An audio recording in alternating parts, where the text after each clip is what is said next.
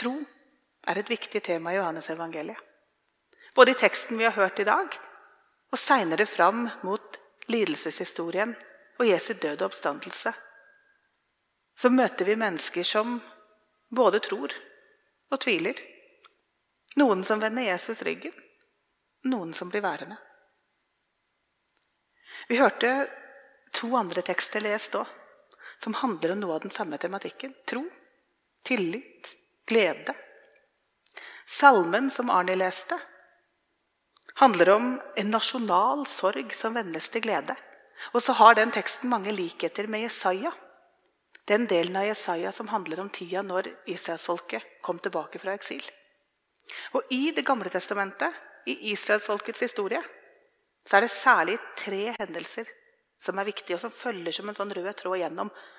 Og der det går fra jubel og glede til at de vender seg vekk fra det og kommer på Guds løfter og vender seg tilbake og jubel og glede igjen. Og Den første av de store hendelsene det er at Gud førte israelsfolket ut av Egypt og til det landet han hadde lova dem.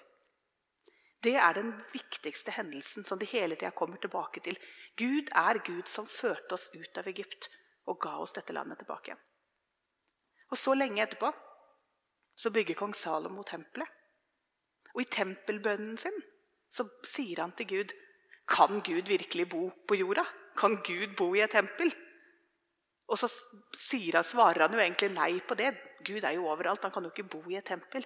Men likevel, Gud, har du sagt at du vil la navnet ditt være her.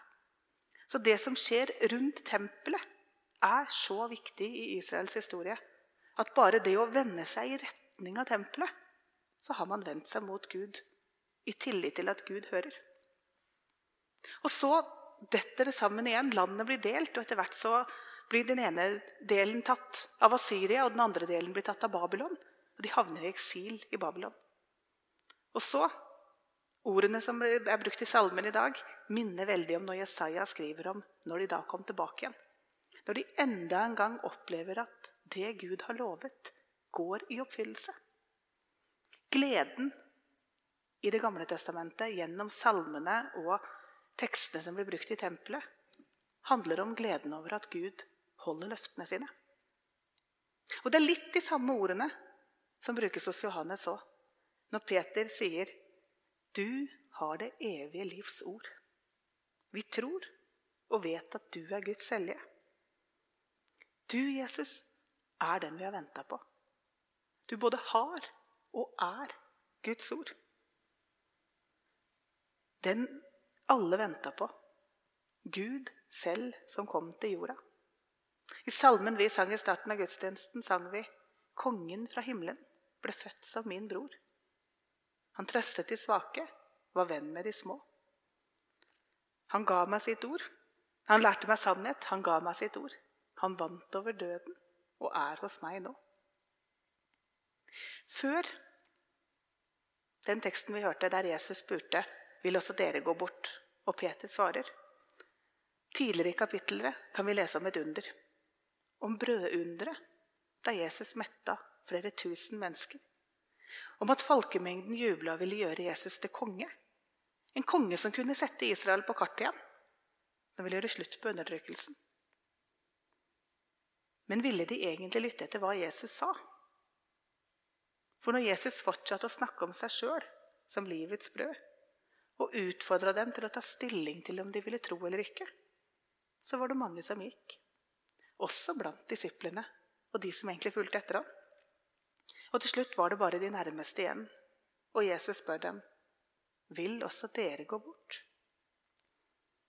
De kunne helt sikkert finne gode grunner for det. Jesus overraska.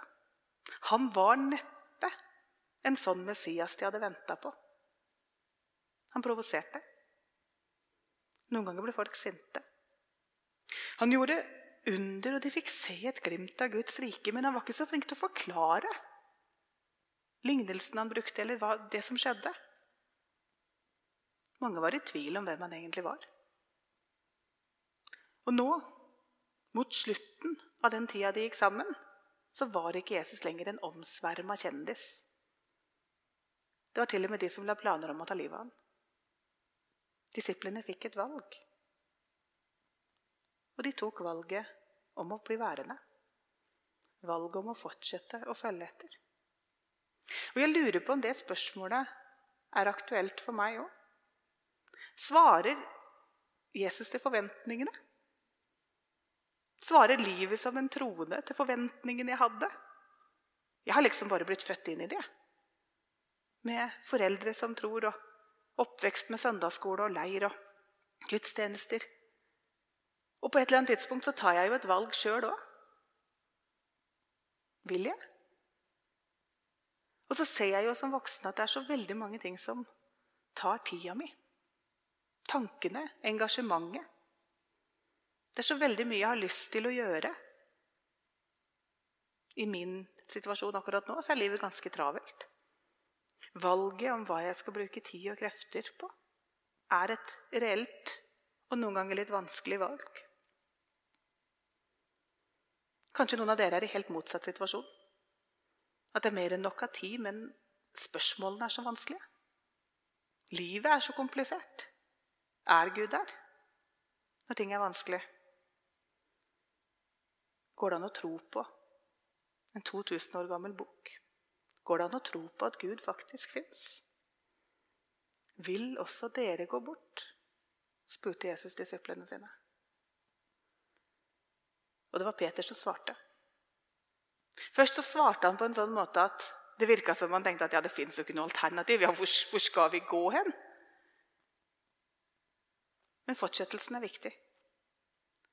Peter hadde sett på at Jesus gikk fra å være hylla av alle Tenk at han gjorde et sånt under. Tenk at folk ville gjøre ham til konge. Det må være han. Til at alle de som hadde fulgt med dem, vendte i ryggen. Nesten alle sammen. Gikk fra å være hylla til å bli forlatt av mange av de som sto nær.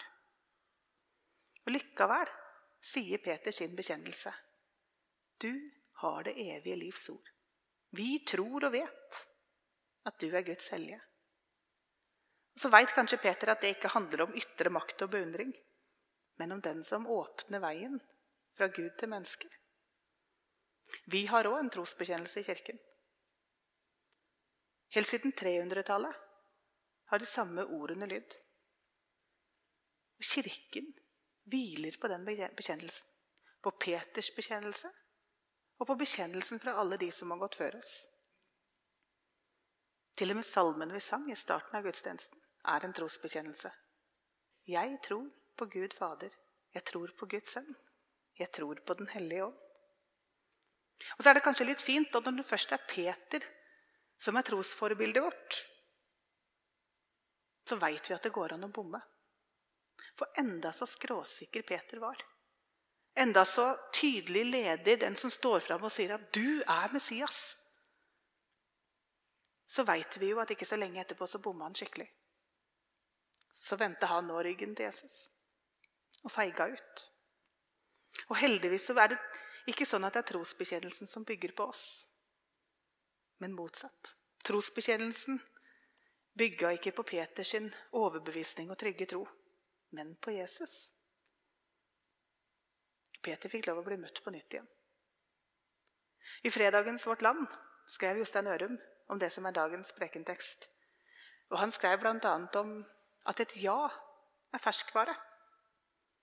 Et ja går litt ut på dato. Peter ble utfordra på å si ja på nytt igjen. Han hadde sagt det, at han ville følge. Han hadde gjort det òg, fulgt etter. Men da han svikta og forlot Jesus og møtte han igjen, så ble han utfordra på å si ja på nytt igjen. Det kommer nye muligheter til å si ja. Til å starte på nytt igjen. Noen ganger så bruker vi ikke nødvendigvis vanskelige ord, men litt sånn svevende ord i kirken. Det vi snakker om å følge til Jesus, bære noen til Jesus osv. Og, så så veit vi jo at vi gjør jo ikke det i konkret og fysisk forstand. Klokka ti i dag og klokka halv ett i dag så døper vi tre barn. Og dere er med på det sjøl om ikke dere er her. De blir døpt inn i denne menigheten. Og når vi bærer et barn til dåp, så bærer vi barnet til Jesus. Sjøl om ikke Jesus sitt fang er et konkret fang å legge babyen på. Når vi ber for noen, så bærer vi dem ikke fysisk bort til Jesus. Men vi åpner opp et rom for at Gud kan røre ved oss. At Gud kan møte oss, skape liv, skape tro og helbrede. Når vi går til nattvær, så møter vi ikke Jesus som en fysisk person som gir oss av seg sjøl. Men vi tar imot noe konkret. Vi gleder oss til vi kan feire nattvær igjen. Med brød og vin å smake på. Og det vi kan se, det er at når vi rekker hendene fram, enten det er for å gi noen til Jesus, eller det er for å ta imot brød og vin, så fyller Jesus det. Når vi rekker våre tomme hender frem, da kan vi ha tillit til at Gud kommer og gir oss liv fra kilder utenfor oss selv. Og alle disse tingene det er et uttrykk for vår tro. Kanskje begynner dere å bli lei av at jeg snakker om tro på den måten. Men jeg tror at det er viktig. At troen ikke bare er den intellektuelle forståelsen av noe. Eller den gode følelsen i kroppen av at dette kjenner jeg at jeg har rett i. Men at troen vår gir seg utslag i hva vi gjør. For Jesus trekker en tydelig parallell i dagens tekst mellom å tro og å komme til ham. Jeg tipper at disiplene til Jesus mange ganger strevde med å tro. Jeg tipper at ikke de var overbevist hele tida om hvem de var sammen med, og hva som kom til å skje. Men de ble værende. De valgte å bli værende sammen med ham. Stolte på ham. Selv om det sikkert var vanskelig å skjønne hvem han var iblant. Og jeg kjenner meg òg utfordra av spørsmålet Jesus stiller. Av oppfordringa til å tro. Til å være til stede, til å følge med. Men jeg har lyst til å gjøre Peters svar til mitt svar. Fordi det viktigste å hente, både i prekenteksten og i Bibelen, ikke handler om meg, men om Gud. Herre, hvem skal vi gå til? Du har det evige livs ord. Og vi tror og vet at du er Guds hellige. Ære være Faderen og Sønnen og Den hellige ånd, som var, er og blir en sann Gud fra evighet og til evighet. Amen.